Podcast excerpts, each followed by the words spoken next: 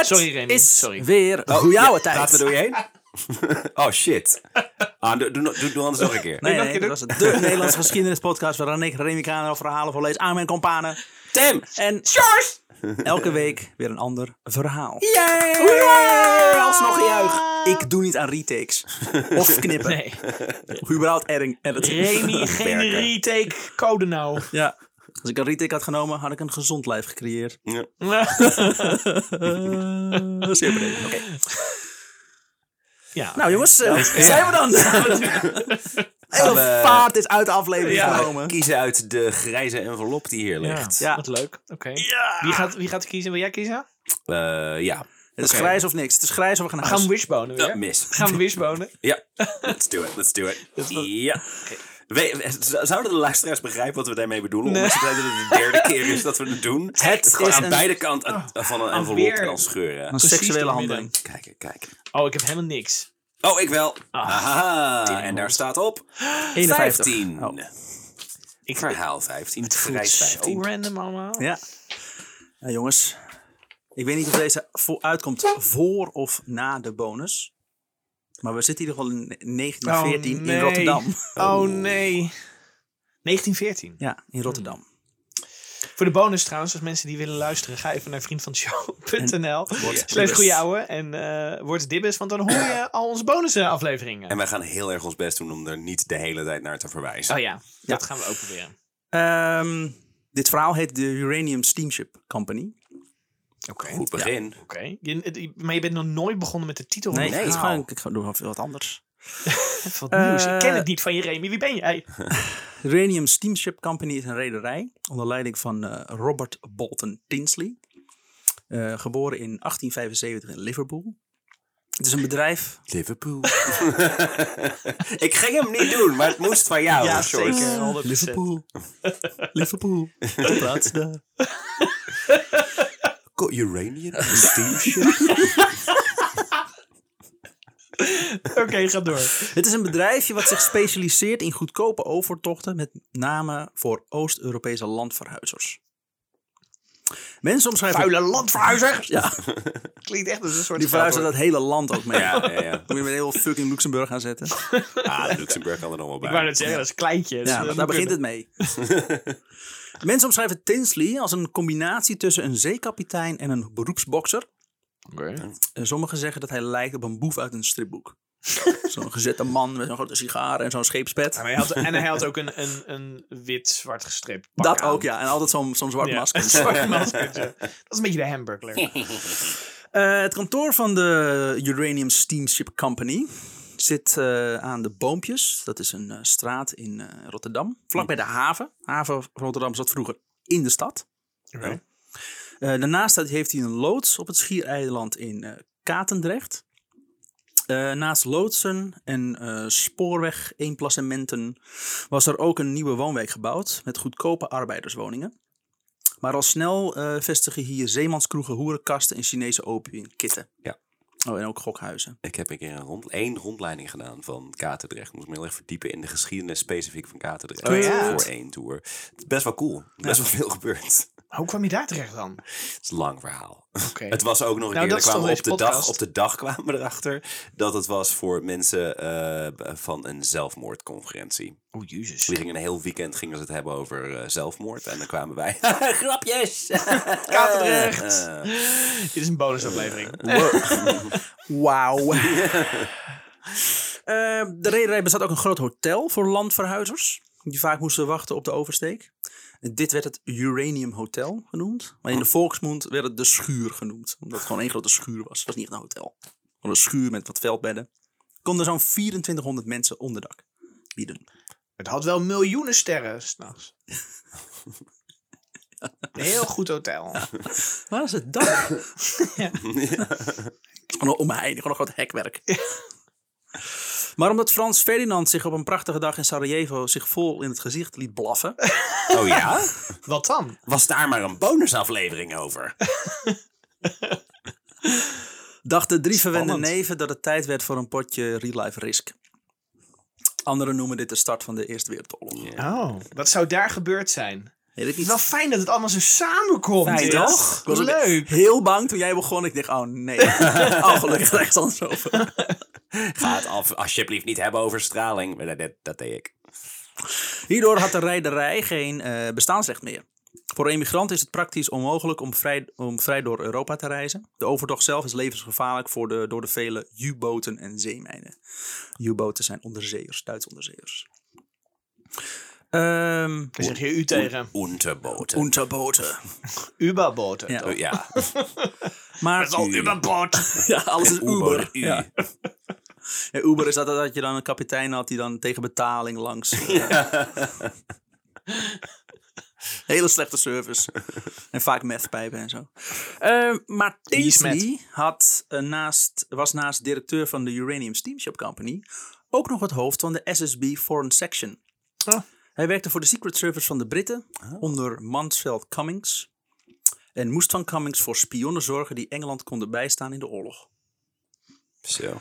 Hij heeft het maar druk mee. Ja. Klein aandachtspuntje. Tinsley sprak geen Nederlands en had nul verstand van militaire zaken. Het is wel heel erg. Hij moest nog werken aan zichzelf. Dus dat hoort, haal je heel erg uit die. af- nou, ik ben even. Kurt on the Wire, zeg maar, die, die aflevering. Dat, dat was echt hoe Engeland omging met andere landen. Ja. Zeg maar, we gaan, we gaan hier de boel bestieren op een, op een bepaalde manier. Moeten wel iets leren over dat volk en, en, de, en de taal? Nee, nee, nee, nee, nee. nee, nee, nee. Gewoon harder, eh, harder Engels praten. Ja, precies. vanzelf Ze leren over. het wel. Klompen toch? Ja. Tinsley's rechterhand is een manetje van alles eh, Dmitri de Pettersson. Een 28-jarige Rus uit Sint-Petersburg. In het begin van de oorlog houdt eh, die Dmitri zich voornamelijk bezig met het organiseren van spionage in Duitsland. Zo had hij een spion gerecruiteerd bij de telegraafdienst die hem kopieën doorstuurde van de marinekustwacht over waargenomen Duitse oorlogsschepen. Dmitri had deze man via een contactadvertentie in de krant gevonden. Dimitri In de had, Telegraaf. ja, had namelijk geplaatst of iemand veel geld wilde verdienen voor eerlijk werk. Nou, Zeker geen spionage tussen haakjes. Ja, inderdaad. Dus, eh, Niks verdachts hier. toen, hij, toen, eh, Move stu- along. toen stuurde hij hem, eh, read de, along. toen stuurde hij hem eh, de man een brief waarin zijn ins- instructies stonden en dat hij de brief moest verbranden. Eerlijk werk. Ja, waar verbrandt die brief? Dat is eerlijk dit, hè? Anders explodeerde de Ja, brief. dat Hij- was het. hij maakt- inderdaad, Deze brief explodeert over drie. Hij maakte, de Twee, fout, ja. hij maakte de fout om het ook bovenaan de brief te zetten. Stap 1, verbrand deze Brief. Oké, gelijk. en daarna? wacht nog steeds, En? wacht nog steeds in zijn kamer. Wat nu dan? Wat is stap 2? Hij is doodgevonden. Vol men vond een skelet in een stoel. Bij een bak as. Ja. Hallo? Ook moest de man eh, telegrammen sturen naar ene de Jong. Eh, dit was helaas voor de man een adres die onder surveillance stond, surveillance stond. En niet lang hierna werd de man opgepakt. Eh, Dat is niet handig. Eh, Dimitri had veel Rotterdammers gerecruiteerd in de begindagen van de oorlog. Dimitri. Het was ook veel makkelijker om een neutrale Nederlander te sturen dan een Brit te zoeken die onder een valse naam naar- voor Nederlander moest doorgaan. Want die spraken geen Nederlands. Nee. yes, I am a Dutch person. Yes. I've got wooden shoes Yes. and uh, Scheveningen. I live in a, Yeah. yeah, I live in a live- windmill. De tulips. Zo benadert hij ook Johannes Hameling, een van de hofmeestersbedienden op de SS Campanello. Dat is een van de schepen van de, de Uranium. Uranium. Onder de belofte van veel geld moest hij zogenaamd als groentekoopman naar Frankfurt am Main. Om daar de Duitse troepenmacht in de gaten te houden. En per telegram rapport uitbrengen. Hameling vond het eigenlijk toch best wel gevaarlijk. En eh, ziet er uiteindelijk vanaf. Maar zijn vriend Willem Both, eh, die het hele verhaal van Hameling hoort, heeft er wel oor naar. En biedt zichzelf aan om te gaan. Uh, Both was op zwart zaad en had een gokschuld uitstaan bij een plaatselijke kroegbaas. Een Carl Charlie Stok. En Both gaat samen met nog een andere spion genaamd. eh, eh, andere spion die eh, Dimitri ook had geregeld met de trein naar Frankfurt. Eh, de kroegbaas had van het verhaal gehoord en laat Carl Stok nou net een Duitse spion zijn die politie in Frankfurt had getipt over de aankomst van twee amateurspionnen. Oh. Vette pech. Er is een beetje een rode draad in het verhaal. Oh. Domme Alles spionnen. gaat ke- Domme Alles. spion. Jij hebt sowieso wat met domme spionnen. Er zijn heel veel spionnen zijn dom. Maar de meeste bekende spionnen zijn domme spionnen. Want goede spionnen zijn niet bekend. Die stellen zich inderdaad niet voor met eh Ja, met ja. naam en toenaam. Hallo, Bond. mijn- mijn naam is- James Bond. Godverdomme, Bond. We weten van één ding van Bond, is dat hij houdt van martinis. Zeker dat steurt. Maar dat gaat hij toch nooit eh, bestellen? Hij gaat Ja. sowieso nooit zijn naam noemen. Mijn naam is Bond. Nee, man. Hier ben martini, ik. zeker dat steurt. Godverdomme, hij staat hier gewoon in de bar. Die man in dat pak. Ja. Elke keer. Dat witte pak wat heel erg... Met die Walter PPK aan Ja, zijn ja, die niet zo vast heeft over zijn borst. Waarom doet hij dat? Eh, want ook de Ik vind Dui- dat blaasorkest nog wel het meeste weggeven. Pa, pa, pa. dat de hele tijd meeloopt. Ja, het kan geen spion zijn. Maar een spion zou toch nooit zo openlijk vrouwen eh, misbruiken? Want dan trek je toch veel te veel aandacht naar jezelf. Ja, Dus nee, en, nee, eh, en zo. Yes, yes. Sometimes a woman just needs a slap. Yes. Dat is wel Sean Connery, ja. ja. Ja, daar wel best wel gelijk in. Oh, Remy. Nou, het slap is toch gewoon cadeau? Gewoon een, eh, zo'n snijplank. En Remy lult alles recht wat krom is. Kade nou. Ehm, want ook de Duitsers hebben een spionagedienst in Nederland. En wel in het Witte Huis. Oh. Nederlands eerste en enige wolkenkrabber op dat moment. Ja? Hier zat de keizerlijke Duitse consulaat-generaal. En aan het hoofd stond Karl Richard Gneist. En deze coördineerde in Nederland de Duitse spionnen. En net zoals Tinsley en Dimitri had ook Gneist al snel een eh, netwerk van Nederlanders die voor de Duitsers spioneerden. En ook hier gaat eh, niet alles van een leien dakje. In december 1914 verschijnt in, het Franstalige, in de Franstalige Nederlandse krant La Gazette de Hollande. Oké. We hebben een Franstalige krant in Nederland. Zodat ze die in het buitenland kunnen lezen. Expats. Franse expats. Een brief met de titel Iets over Duitse spionage in Nederland. Dat is de titel. Dat is de titel van de brief. we willen niet te specifiek zijn, maar we willen natuurlijk niet dat we- mensen weten waar Ja. het om gaat. Maar gaat wel iets... Over spionage. Had er iets over spionage. In Nederland, hè? Daarin stond beschreven wat de Duitsers hiervan, hier aan het uitvreten waren. De procureur-generaal vroeg aan de hoofdcommissaris van de Rotterdamse politie, Adriaan Sirks, om het uit te zoeken. Maar hij wist eigenlijk al om wie het ging. Gneist had Sirks een maand eerder al gevraagd om ene Samuel Henry Hartog op te pakken. Deze man had gedreigd dat als Gneist hem niet de gevraagde duizend gulden zou betalen, hij naar de pers zou stappen. Oké. Nu had Gneist er toen niet bij verteld dat hij een spionnendienst leidde, maar dat het om een ontevreden ex-werknemer ging. De brief bracht Sirks op het spoor op meerdere spionnen. Zo, hè, zo ook twee heren genaamd. Ja, ik, ik, ik bied niet alvast excuses aan van al deze fucking namen. Het zijn ook maar kleine verhalen die dit alles omschrijven. Alright. Zo ook twee heren genaamd Kolp en Engel. Hoe? Kolp en Engel. Kolp en Kolp Engel. en La la la la la. We hebben weer een duo. Fijn. Die vanuit Maastricht waren aankomen rijden in een knalrode Landaulet. Dat is een auto. Oh, ik dacht een tandem. Ik Ja, ja. Met inderdaad. Ik dacht net op de tandem. Oh nee, wacht. Kolp en Engel. Kolp en Lando, let op een engel. Wat? Komen uit de hemel. Dus jij dacht dat ze in een fiets Ja. Ja, uit België waren Uit België. Ja. zo deden ze dat vroeger. Fietsen waren vroeger zo groot. Flink. Jij weet niet zoveel van geschiedenis, hoor ik altijd. Nee, nee, dat, Nee. dat klopt.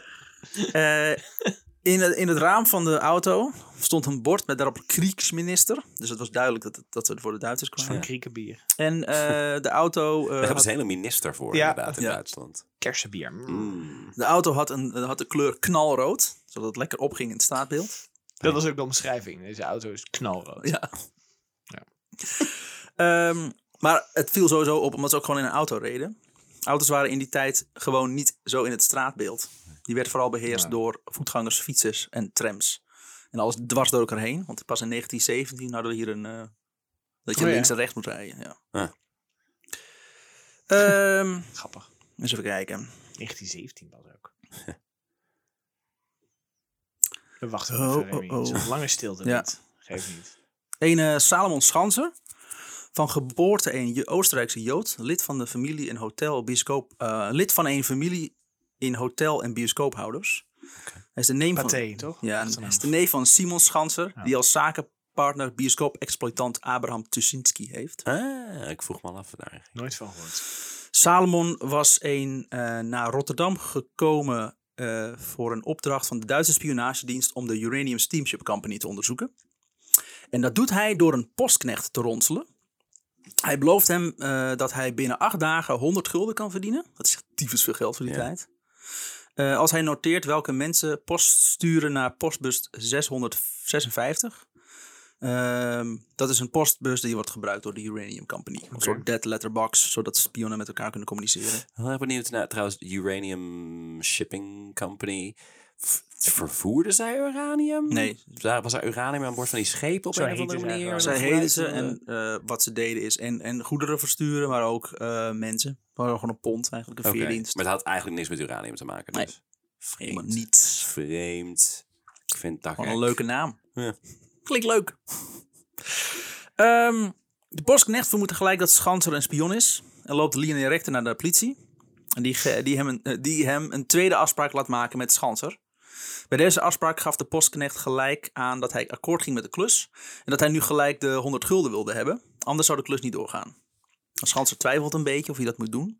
En hij overhandigt hem uiteindelijk 50 gulden. En hij wordt gelijk gearresteerd door de politie. Op het bureau doet eh, Schanser eerst alsof zijn neus bloedt. Hij geeft de valse naam E. Jansen op. Eh, dan, oh, hij, is- hij, komt uit een bekende familie. Iedereen weet wie die is. Oh. Nou, naam is E. Jansen. Je, bent, je, je, je hoofd staat op die poster daar. Nee, daar ben, ik, daar ben ik gewoon niet. Dan geeft hij wel toe dat hij... zeggen vaker mensen. Ja. Dan zegt hij, geeft hij wel toe dat hij Salomon Schanser is. Maar geeft hij een valse geboorteplaats op. Maar iedereen weet wie jij is. Ja, iedereen weet wie jij Dus- is. Ja. Dan kun je wel een geboorteplaats opgeven. Uiteindelijk geeft hij toe wie jij is. En dan krijgt hij maar twee maanden voor het omkopen van een ambtenaar. Hij zat eh, zelf toen al in Duitsland, want hij was daar al heen gevlucht. Doei! ja. Hij had nog wel koningin Wilhelmina geschreven dat hij, dat hij het puur uit vaderlandse liefde had gedaan. En dat het niet eerlijk was dat hij gestraft was. Oké. Vind ik niet eerlijk. Ik vind het niet leuk. Ja. Wilhelmina? Handelen in spionage in eh, Nederland in de Eerste Wereldoorlog is eh, verboden. Oh, echt? Ja, volgens Ah. artikel 100. In deze wet staat: hij die in geval van een oorlog waarin Nederland niet betrokken is, opzettelijk enige handeling verricht, waardoor het gevaar ontstaat dat de staat in een oorlog wordt betrokken, Hmm. of enige regeringswegen gegeven en bekendgemaakt bij zonder voorschrift tot handhaving van het niet deelnemen aan de oorlog opzettelijk overtreedt. Dus je mag niet de, neutraliteit van Nederland in gevaar je brengen. brengt ons het gewoon niet een ja. oorlog insleuren, zeg maar. Snap ik. Omdat je shit aan het verhandelen bent. En eh, de wet is ook nog van dat bepaalde wetten die zijn gemaakt tijdens oorlogstijd. Als je die overtreedt en je brengt Nederland in gevaar, dan. eh, Het is inderdaad lullig als één iemand, een of andere, weet ik veel, student, dan iets doet en dat dan vervolgens je hele land... ja, de hele wereld in oorlog wordt in- getrokken. Ja, ja, dan moet je, oh, dat Kan echt niet niet. hebben. Kan, Ja. niet over kan ik me niks bij voorstellen. Dus, dus we, hebben nu, we hebben nu de luisteren. Britten en we hebben de Duitsers die in Nederland eh, Ja. spioneren. Hmm. En daarvoor zetten ze Nederlanders in. Maar die Maar dan mogen dat dus niet. eigenlijk niet. Nee. Maar mogen de Engelsen wel dan eh, dat überhaupt op Nederlands grondgebied doen? Nou ja, eh, nee. Nee. nou, is leuk dat je dat vraagt. Ja. Eh, nee. Maar Britten, als ze gepakt worden, worden ze uitgezet. Dus Ja. ze pak- gebruiken Nederlanders. Die worden alleen vastgezet en daarna kunnen ze ze weer gebruiken. Ja. Eh, nou, helemaal Zo is het begonnen. Dus het begint eerst in... heeft hij, had hij nou twee maanden gekregen of zo voor het omkopen van... Dat is echt fucking niks ook nog Ja. weer. Ja. En hij was al gevlogen naar Duitsland. Ja, Ja. pak jou, moet je met je straf. De Nederlandse politie moet ook actief eh, de buitenlandse geheime diensten controleren. Als er eh, spionage op Nederlandse bodem wordt geconstateerd, wordt, moet dit gelijk in de kiem gesmoord worden. En want dit brengt namelijk de neutraliteit die ze hebben in gevaar. Ze roepen daarom de GS3 in het leven. GS staat voor genera- Generale Staf. En het is de eerste Nederlandse inlichtingendienst. Is de geheime dienst. Tinsley. Waarom drie, als het de eerste is? Waarom geen Ja, er waren, er waren Dat is met de twee illusie andere dat er nog- ja. staffen. Oh, op die manier, net zoals MI5 en MI6. En daarvoor was het gewoon eh, de generale staf. Huh. Oh, ik, het- ik dacht het was om de illusie te wekken dat ze het nu geperfectioneerd hadden. Ja. Dus die 1 en 2 waren uh, uitprobeersels. Ja. 3 is echt hoe. het En iedereen zo, weet, deel 3 is altijd de beste. Dat mensen denken zo van, waarom hebben we dan nooit van die, eh, van die eerste twee gehoord? Inderdaad. The Rise of Skywalker. Ja. Geheime dienstimmers. Ehm, Tinsley runde dan wel een geheime organisatie onder de neus van de Nederlanders. Die met hun GS3 contraspionage uitvoerden. Maar Tinsley was ook goed bevriend met Françoise van het Zand. directeur van de GS3 in Rotterdam. Oké. En gaf hem wel eens tips die hij had opgevangen van Duitse activiteiten, zodat van het zand weer een goede slag kon slaan en daardoor aan zijn carrière kon werken. Wat ook hielp, is dat, wat ook hielp is dat Tinsley's SSB de GS3 financierde. Oh, Wat? Belangenverstrengeling, Ja. een beetje. Iets van 50.000 gulden is eh, gepompt in die, in die eh En hoe legden Ja. ze dat uit waar dat geld vandaan kwam? Ja, gewoon een goede vriend. Gevonden ergens. Van de Uranium eh, Shipping, een steamship company. Gaat goed met de radio. Gaan ze ooit bommenwegen van maken? Logischerwijs klopt het dan eh, dat het dat van het zand samenwerkte met de Britten. De Duitsers vormden namelijk een grotere dreiging. Ja, we waren zogenaamd neutraal, maar die hing maar aan een zijden draadje. Duitsland was constant op zoek naar redenen om die neutraliteit te ondermijnen en ons binnen te vallen. De Duitsers vertrouwden Nederland voor geen meter. En terecht. Veel van de eerste lichtingsspionnen was werkzaam op schepen. Ze waren in de ideale posities om inlichtingen te eh, verwerven over ieders vloot. De Duitsers wilden graag met een mar- maritieme overmacht in zeeslag houden op de Britten, maar daarvoor hadden ze wel die informatie nodig. Mhm. De firma Müller Co., opgezet door de Duitser Wilhelm Müller, had een veerdienst tussen Rotterdam en Tilbury. De scheepjes waren gebouwd in Schotland en ze pendelden met enige regelmaat heen en weer tussen Engeland en Rotterdam. Dus dat was gewoon een actieve pendel. eh. Hmm. Dus van een Duits bedrijf in Rotterdam, dus dan nog wat. Alright. Nee, Tussen man. deze passagiers zit ene Richard Sanderson, goed onthouden die naam. Ja? Deze Echt? naam wel. Deze naam wel. Sanderson is een Duitse handelaar in thee en wordt ervan verdacht een matroos te willen hebben geronseld om inlichtingen te geven tegen betaling. Oké. Deze matroos moest dan een aantal schepen doorgeven en wat voor types dit dan waren. Ongure types. Nee, dat bedoelde ik niet. Gewoon wat voor schepen. Oh, Ja, sympathiek. Sympathiek ja, schip was ja, het. Ja, Ja. toch goed uit. Zo leuk. Kan ik het best mee doen. Ja, oké. Echt mijn type. Eh, Ik zou het erop kunnen. Helemaal Wat? mijn type schip.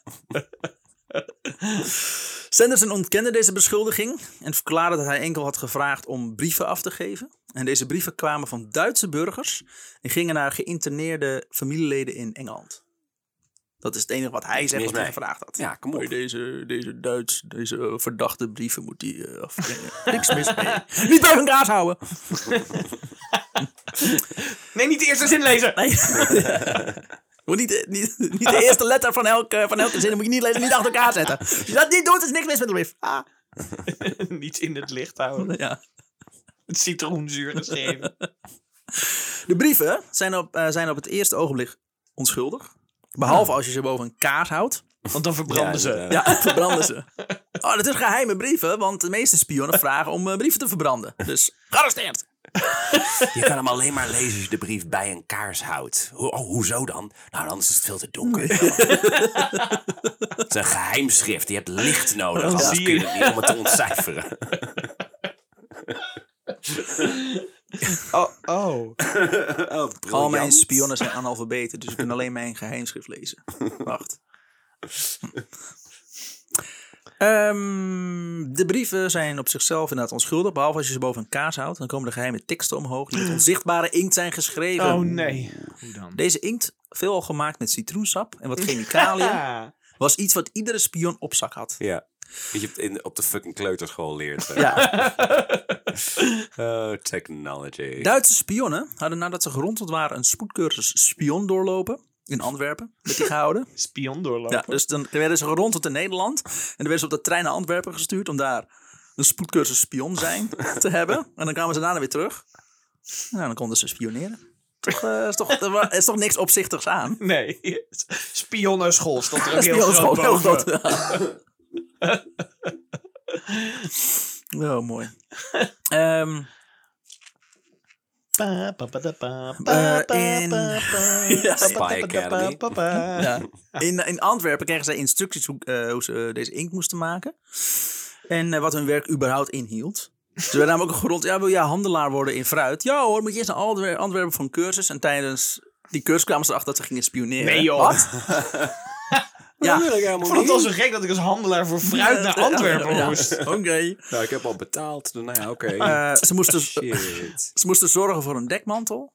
Eh, dat ze moesten eh, leren schrijven in code. En ze moesten een valse naam verzinnen. Dat, is, wat, dat was de cursus.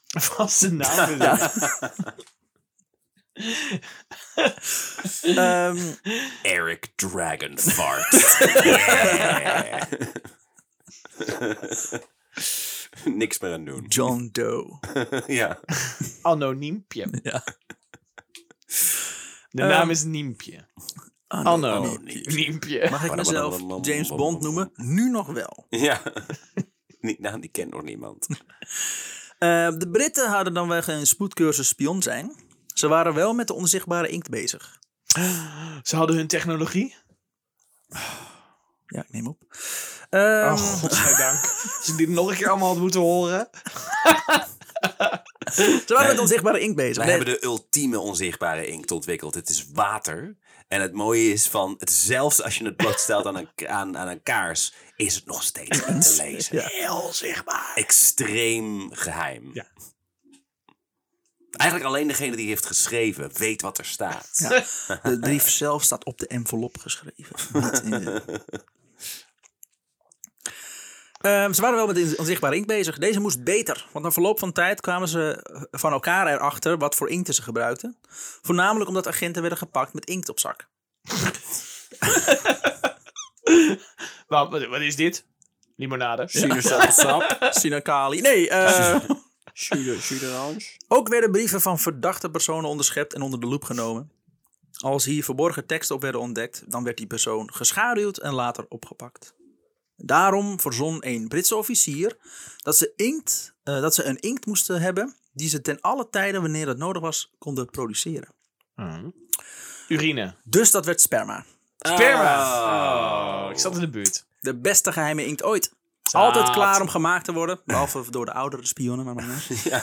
En totaal niet verdacht. Wel werd, Dat is al een lange brief, zeg. oh, oh. Velle hangen erbij. Nou, eh, als je zo'n groepje spionnen hebt. PS. Ah. Zo'n zo'n peeskamer. Zijn jullie al klaar? Ja, bijna. Een pakketje versturen. Oh nee, oh. Maar, maar hoe maar werden ze dan bij de spio- spionnenacademie getraind om, om zo klaar te komen dat het in de vorm van een letter was? Ja. Steeds. Ja. Alleen maar pittig, man. Moeilijk. Toch? Ja. Eh, er werd geadviseerd om wel vers sperma te gebruiken. Natuurlijk. Omdat Londen brieven kreeg die ontzettend stonken. Sowieso toch, denk ik. Spermabrieven is wel goed. weer een unicum voor goeie ouwe. Ja, het, is niet, het hoor je niet met James Bond. Ja. Dat verklaart wel veel Ja. van zijn Ja. gedrag. Ja. Yes. ik moet een brief schrijven, ja. Yes. Hoe vrouwelijke spionnen aan sperma moesten komen, werd er niet bij verteld. Dat bedenk je zelf maar. Ja. Begrijp Matahari ook een stuk Ja, beter nu. inderdaad, ja. Dat- En dat ze niet was opgepakt met inkt. Ja, ik begrijp het nu veel beter. Alleen met gewone reuk. Ja. Syphilis? Syphilis, dat was, ja. In, eh, in april 1915 nam het Duitse opperbevel het besluit om een groot hekwerk langs de Nederlands-Belgische grens te plaatsen. Oh. Dit deden Build ze, that wall. ja, Oude referentie, maar maakt niet uit. maar dan in het Belgisch. Ben aan België. België. Dit deden ze om de, stro- om de stroom aan Belgische vluchtelingen tegen te gaan. Oh, dat vind ik ook zo erg als allemaal vluchtelingen hierheen Ja, komen. verschrikkelijk hè? Ja, en die dan allemaal ergens kwijt moeten en dan... eh, Dit deden ze ook omdat in die stroom vluchtelingen veel spionnen, zich veel spionnen bevonden, die voor de Britten inlichtingen over de treinen doorgaven. Mm. Deze zogenaamde treinspotters, die veel gewoon langs Ja, wat een lelijke trein, moet je kijken. Noem je dat trein? Wat een. Wat een lelijk ding. Die veel gewoon langs het spoor woonden, gaven hele dienstregelingen door van welke treinen er voorbij kwamen. Hoeveel wagonnen, waar ze heen gingen. Zo konden de Britten voorspellen waar een aanval georganiseerd zou worden. Hmm. Nederland zelf had het, eh, had het vluchtelingenprobleem waar ze geen ruimte voor hadden. Ja, kennen we echt niet. Tienduizenden Belgen zochten hun heil in Nederland. En dan voornamelijk in Rotterdam, waar ze hoopten een rit op een schip eh, richting Amerika of Engeland te krijgen. Eh, Nederland zelf had het ook zwaar. Door de Britse zeemijnenlinie en de Duitse U-boot torpedojagers ligt de handel nagenoeg stil. En eh, veel gaat op de bon. Zo mooi dat die Belgen denken zo van, we moeten weg uit Nederland. We gaan naar een land waar mensen veel beter omgaan met vluchtelingen van net over de grens uit het zuiden. Amerika! Da, da, da, da. Ja. ja, deze excuus Mexicanen. België is toch Mexico van, eh, van Europa. Zij zien het net hekwerk van de Duitsers als een oplossing. Dit hekwerk wat de naam dodendraad krijgt. Ja, dat klinkt wel goed. Wat? Het is wel echt Wat? beeldhouwbal. Wat is er? Is een 300 kilometer lang ijzeren hekwerk. Dat soms dwars door dorpen heen gaat. Dus dan zit je gewoon per ongeluk aan de verkeerde kant van de. Maar ik moet bij het post, postcode wezen. Ik, nou, Nee, neem omrijden nee. zo. Ehm, het hekwerk eh, zetten ze onder stroom. Zo. Zo tussen de 500 à 4000 volt. Schiet er door de bedrading. Zo. Een eh Door aanraking. dorpjes, hè? Ja. Hoeveel fucking kinderen... Nou, daar ga ik je zo vertellen. Ja, Oh, dat hoopte ik al. Ik hoopte al weer depressief uit een aflevering te kunnen wat komen. fijn. Ja, super fijn. Eén aanraking betekent de dood. Ja. Veel van de slachtoffers zijn mensen die niet geloven dat het hek onder stroom staat. Ik ga er tegenaan pissen. Hey. Bewijs maar eens. Ja, inderdaad. Ja. Met je tong zo er tegenaan. Eh, Ja, toch? Het ploft uit de batterij! Of zei hij voordat ze volt zei. Stond het nou onder stroom of niet? hey, 4000 Hey. Frank, staat hij nou nou onder stroom? Geef het antwoord. Ja, weet- ik moet ik het wist- zelf maar proberen. Ik wist helemaal niet dat jij rookte trouwens, Frank. Ja, ik vind het wel spannend zo te zien. eh. Maar hij met zijn narcolepsie. toch weer in slaap gevallen. 4000 volt doet rare dingen met de mens. Wat dan? Het doet het hart stoppen. Oh. Vaak vliegen mensen in brand. Oh. Zo.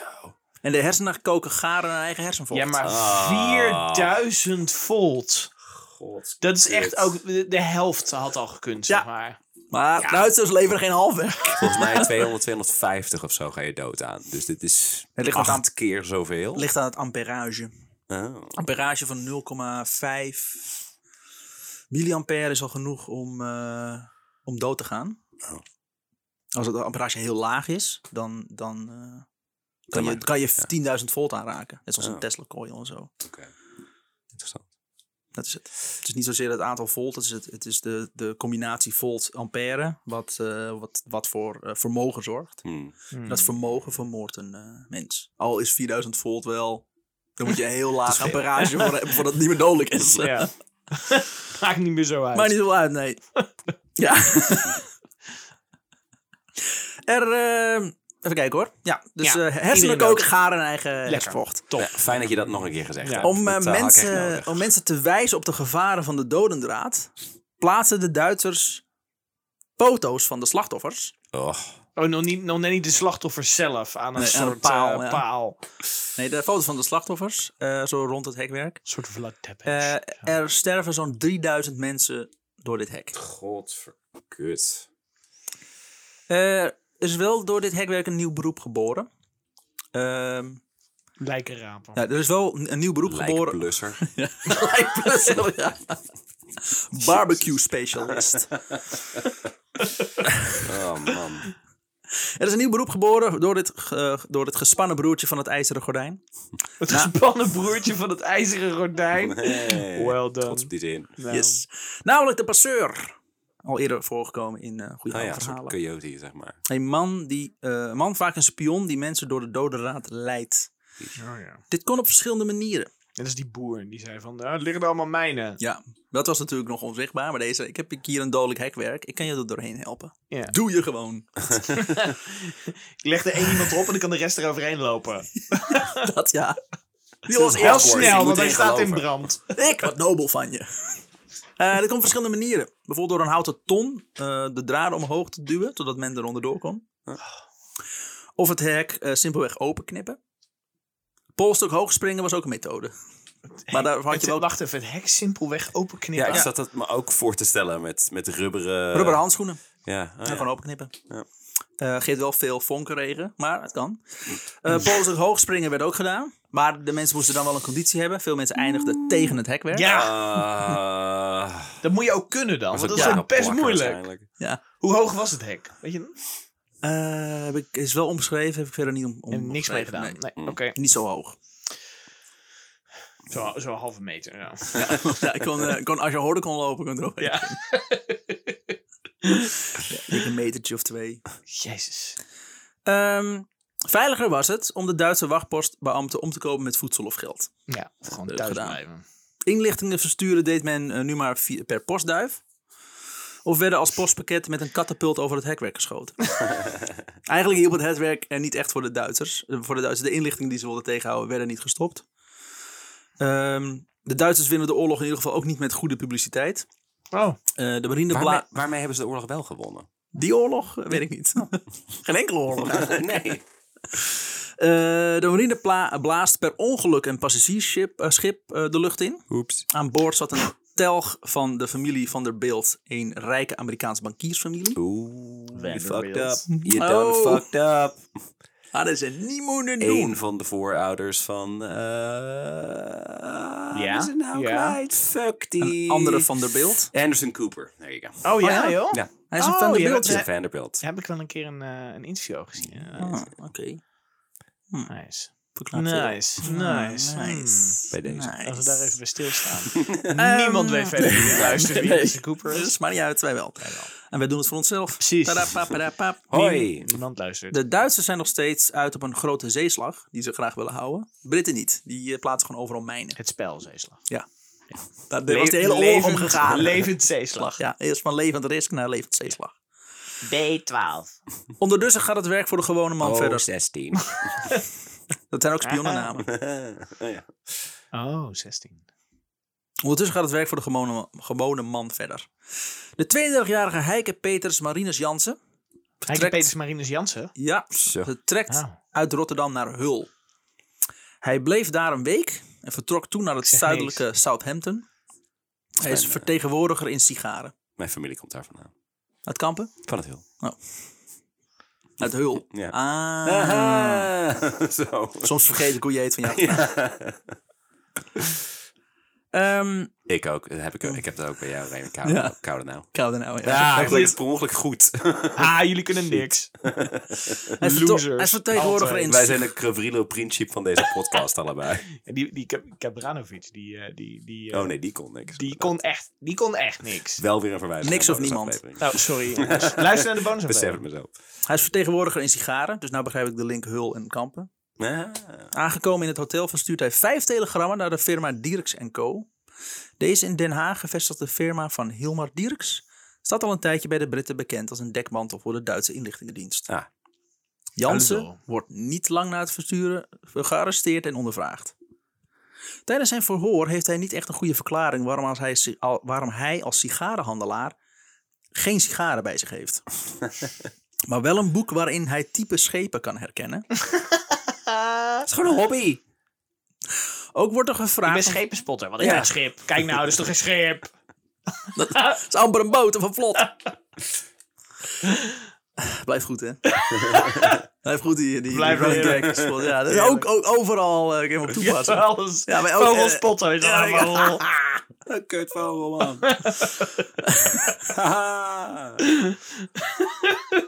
Sorry. oh, wacht even. Spotten is ook iets belachelijk maken. Oh, oh goed bezig, Sjors. Oh, wauw. Ik ben daar nu pas echt achter. Ik was wel een beetje bang dat hij eh, die roestig werd. Ehm, eh, er wordt hem ook gevraagd of hij ene Willem Roos kent. Wat hij ontkent. Hij is de enige sigarenhandelaar die werkzaam is voor Dierks Co. Willem Roos wordt nu de verhoorkamer ingesleept. En zegt eigenlijk gelijk tegen Jansen dat hij blij is hem te zien. Hey, Roos, jouw nee. bekende. Roos ken ik niet. Nee, nee, ik ben de enige die hier is. Spion, nee, heb ik nooit gehoord. Nee. Willem Roos, nee, ken ik echt niet. En Nee. dan komt Willem Roos binnen. Hey, Ah, gozer. Jansen! Wat jij nou? Ik ben ook gearresteerd. Zo, Godverdomme. wanneer is de laatste keer dat we samen hebben gespioneerd? Ach, man. Jans is niet blij mee met deze groet. Met deze, met deze shake die ze ook hadden. Ja. Eh, en Roos gaat naast hem aan tafel zitten en eh, geeft eigenlijk gelijk toe dat de hele sigarenhandelaar een dekmantel is. en eh, dat ze spioneren voor de Duitsers. Ja, nee, spionage, ja. Ja, huh? Ja. Ja, dat doen wij, ja. Ik Eh, ga beide, trouwens ook vreemd. En, eh je weten? beide worden ter dood veroordeeld. Kut Roos. Jezus. Roos eh, probeert nog eh, zelfmoord te plegen. En, eh, en hij eh, doet alsof hij, alsof hij gek is om onder die straf uit te komen. Hm. Maar hij eindigt alsnog eh, voor een eh, vuurpeloton. Hij gaat sowieso dood. Ja, eh, ja, hij Dus hij probeert, zelfmoord, hij probeert zelfmoord te plegen omdat hij niet dood wil. Ja, in, in Engeland kun je nog krankzinnig worden, een beetje in het gezicht geplaatst. Ja. Maar uh, ze weten, jij bent niet gek, je gaat gewoon doodschieten. Ehm, in Nederland bereiden twee andere sigaarhandelaren zich voor op een reis naar Engeland. Anders zijn ze... Willem de Jong en Arend De- Snoek. Sigaar! Misschien komt het daar wel vandaan. Weet ik eigenlijk niet. De Jong moet uit naam van zijn Zijn vader een handelsreis maken naar Engeland. Dan is de dekmantel beter.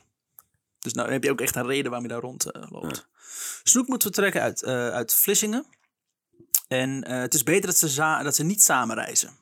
De Jongs schip, de Jongs schip vertrekt alleen niet. Dus besluit hij samen met Snoek naar Londen te gaan. Nu ze in Londen zijn, zetten ze eerst eventjes flink de bloemen buiten. En daarvoor gebruiken ze al het geld dat ze hebben gekregen van Dirks Co. De Jong vertrekt de volgende dag alweer naar Nederland. Nadat hij precies nul heeft gedaan.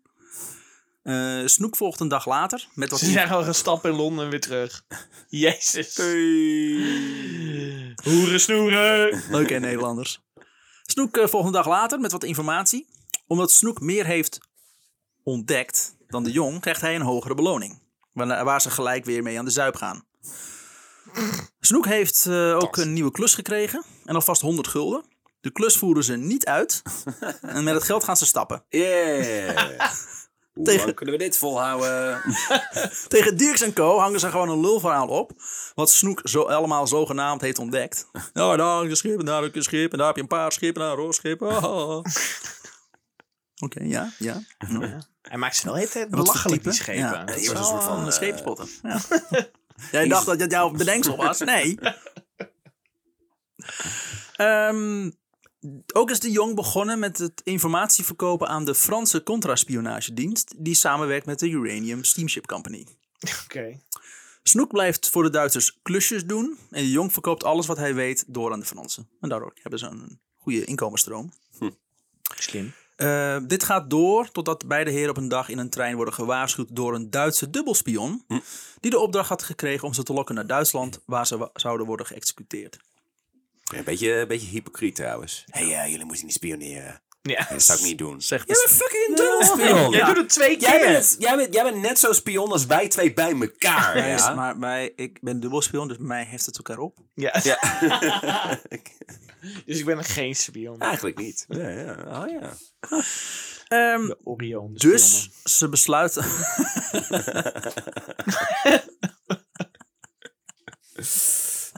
dus ze besluiten te vluchten naar Vlissingen. Dat is een duo spioni. Voor de Italianen. Duo spion. La la la la la la.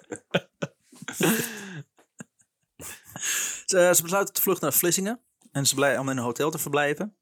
Maar het geld raakt op. Dus daar hebben ze de minibar gelegd. Dat doet ze niet.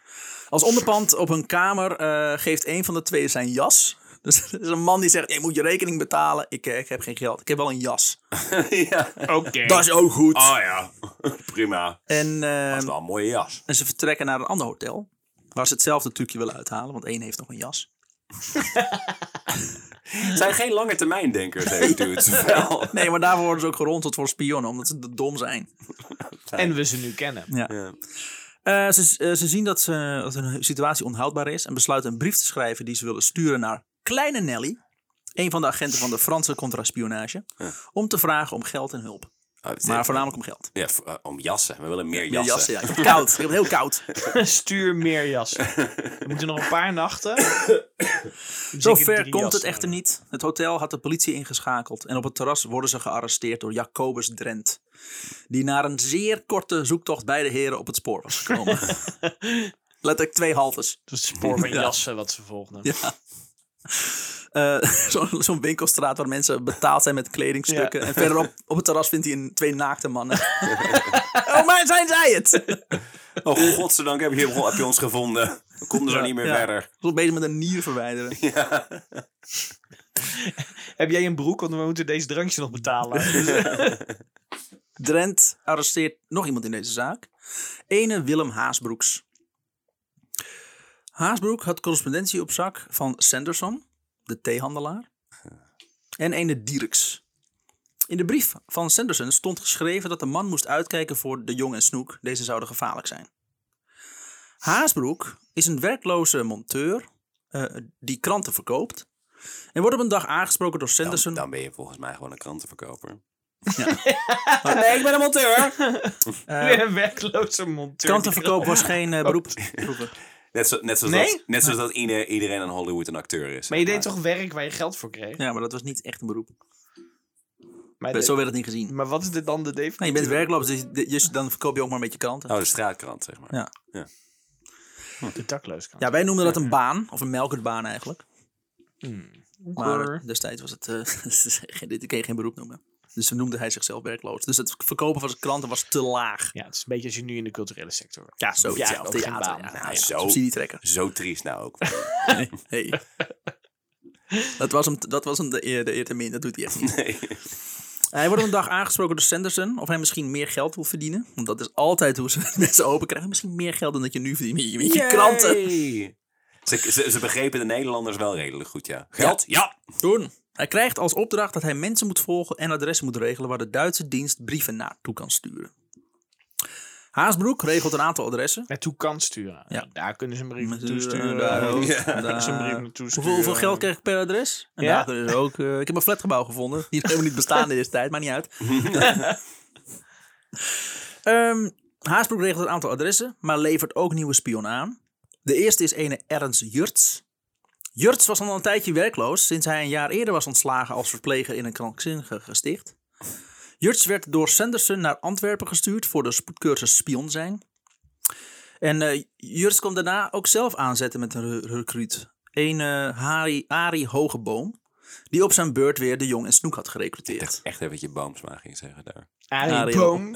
Harry Hogeboom. Maar Boomsma. Hey, Dus Hogeboom komt aanzetten met de Jong en Snoek. En de Jong en Snoek zijn degene die eh, eh, gingen stappen van ja. het geld. Ja, ja, ja. Geen Dus, eh, ja. dat, ja, die waren de de Chippendales van, eh, van Nederland. Later hoorde Haasbroek van Jurts en Sanderson dat Hogeboom met het Engelse consulaat had gebeld met de vraag wat zij over hadden voor informatie over de Duitse inlichtingendienst in Nederland. Dus, dus Jurts die had Hogeboom aan, eh, aangedragen en die verkocht weer eh, informatie door aan de, aan de geallieerden. Jezus. Dus iedereen verkoopt informatie Ja, aan iedereen. Iedereen verraadt Ja. elkaar de hele tijd. En iedereen komt, Niemand schiet er iets mee op. Iedereen Oh. komt a- met mensen aanzetten die eigenlijk uit zijn op geld. En dat is het hele probleem. Voor geld? Ja, Ja. ik doe het. Ja hoor, prima. Aan wie? Jurts verraadt Hogeboom en vraagt hem eh, naar Antwerpen te komen, waar de Duitsers hem arresteren. Haasbroek, waar het verhaaltje mee begon, wierf nog meer mensen voor Sanderson om in Engeland te spioneren. Dus hij had één iemand aangebracht en die verneukte alles. En Ja. nu is hij met nog iemand begonnen. Eh, hij bood zich aan, ook aan in Vlissingen bij een Belgische brievensmokkelaars, die post uit bezet België naar Engeland brachten. Om zo brieven voor de Duitse contraspionage in handen te krijgen. dus hij, Er gebeurt echt Contra, zoveel. contra spion. ja, hij was een spion die dan voor de Belgen ging werken voor, om brieven te smokkelen om naar Engeland. Dus eigenlijk voor de Engelsen. Maar die brieven stuurde hij dan weer door naar de Duitsers. Hij is een dubbele Oreo? Ja, hij is een triple spion. Dat is België. Komen wel Ja. de beste triple spionnen vandaan. Ja. De triple Carmelite Heel. bijvoorbeeld. Oh. De- Dit was de schuilnaam van iemand. Ja. De triple. Die had een bierbrouwerij en toen dacht hij, kan ik veel meer geld mee In een verdienen. klooster is die, eh, is die verscholen. Hij had een nieuwe recruut, een Arthur, die hij wilde voorstellen aan Sanderson. Dus reisde hij naar Den Hij is Haag. fantastisch. Hij houdt zoveel geld, deze Ja, man. Deze man Ideaal. echt heel veel van geld. dus reisde hij Heb je al naar zo iemand die ook heel erg van geld houdt? Nee, toch? Nee. Dus hij reisde naar Den Haag. Eh Sanderson had inmiddels zijn uiterlijk iets wat aangepast. Zijn bakkenbaarden waren geschoren. Het haar was gemillimeterd. En hij had een grote bril opgezet. Dat was zijn... eh, Met zo'n nepneus eroverheen. en een lange regenjas. En een krant met gaten erin. Ook noemde hij zichzelf geen Sanderson meer, maar Hilmar Dierks. Van Dierks Co. Oké. Haasbroek was inmiddels bang dat de Jong en Snoek hem hadden verraden en wilde niet meer verder werken voor Dierks en Dierks slash Sanderson. Jij denkt, ik heb niet genoeg namen, ik geef er eentje twee. Ja. Oh, Oké. Terug in Vlissingen wordt hij aangehouden door, eh, door Drent. Dat is die, eh die politieman die ook eh, de Jong en Snoek had gearresteerd. Arthur, dus de man die hij heeft aangebracht, Ja. Was inmiddels door Dierks met een opdracht verstuurd om de Jong en Snoek te vertellen dat ze naar Antwerpen moesten. Arthur, die eigenlijk Adolf Gooyers heet, was de dubbelspion die de Jong en Snoek waarschuwde.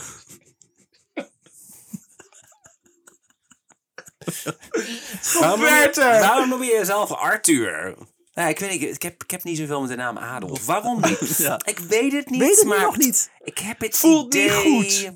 Een voorgevoel Ja. dat het fout gaat. Ja, Ik, ja. ik had jou gewaarschuwd voor de hoeveelheid namen. Ja. En met spionnen is het altijd echt een clusterfuck aan namen. Ja. Eh, Dirks slash Sanderson wordt ook gearresteerd hierna. Maar hij laat niets los. Dat is het einde van deel 1. Suf geluld, Jos. Ben je suf geluld? Nou ja, een beetje ja. Ik ben er zojuist Nee. achter gekomen dat Dirks en Sanderson dezelfde persoon Dat is helemaal langs mij heen gegaan. hij net. Dat zegt hij net inderdaad, ja. Nee, maar hij zei op een gegeven moment dat hij, dat hij die naam had Dat kan veranderd. inderdaad. Dat... Tim is het kwijt. ik, ik heb, voor mijn gevoel had ik het nog redelijk bij. Maar ik, eh, ja. Ja. Ik, eh, nou, hij laat dus niks los. Dus hij had allemaal dingen vast. Ja, vast, Eh, ja. Geef aan ons. Nee. Ja, ja. Heb je daar je eigen identiteit vast? Nee, jij bent niet vast. Dus dat is het einde. Geef dat boek aan ons. Nee, ik ben een boekhouder. En volgende week gaan we verder met deze namenparade. Leuk. Leuk. Ik heb er zin in. Heb je er ook zin in, jongens? Fijn, ik heb nog nooit een podcast meegemaakt waarin iedereen die is betrokken geweest bij de Eerste Wereldoorlog met, bij naam werd Naam en genoemd. toenaam. Dat is zo fijn. En ik heb sommige namen niet genoemd. Zoals die man en hij. En Nou, Ja. dat was het. ja. Namen die... Er was Ja, al één dude, die Jo- Jo- Jan Marinus, Henk, Maria. die had ook het 17 zelf al. namen. Ja, precies. Ja. Dat is één man. Het was heel moeilijk om- het op te zetten, want ik wist niet zo goed waar ik moest beginnen. Het was allemaal rare, allemaal kleine clusterverhalen. Dus het begin is echt een grote chaos. Maar ik hoop gaat dat- lopen. dat Het gaat uiteindelijk lopen. ergens al iets gaat lopen. Dus inderdaad. blijf hangen. Blijf erbij. En Maandag wordt het beter, echt waar. Ik beloof het. volgende week gaan we het gewoon echt I heel can goed change, doen. baby. I can change. Dus eh, we nodigen iedereen die het geluisterd heeft uit om dit nog een paar keer te luisteren. Zodat Ja. je zeker weet dat het klopt. Word eh, vriend van de Maak show. lijstjes. Sowieso.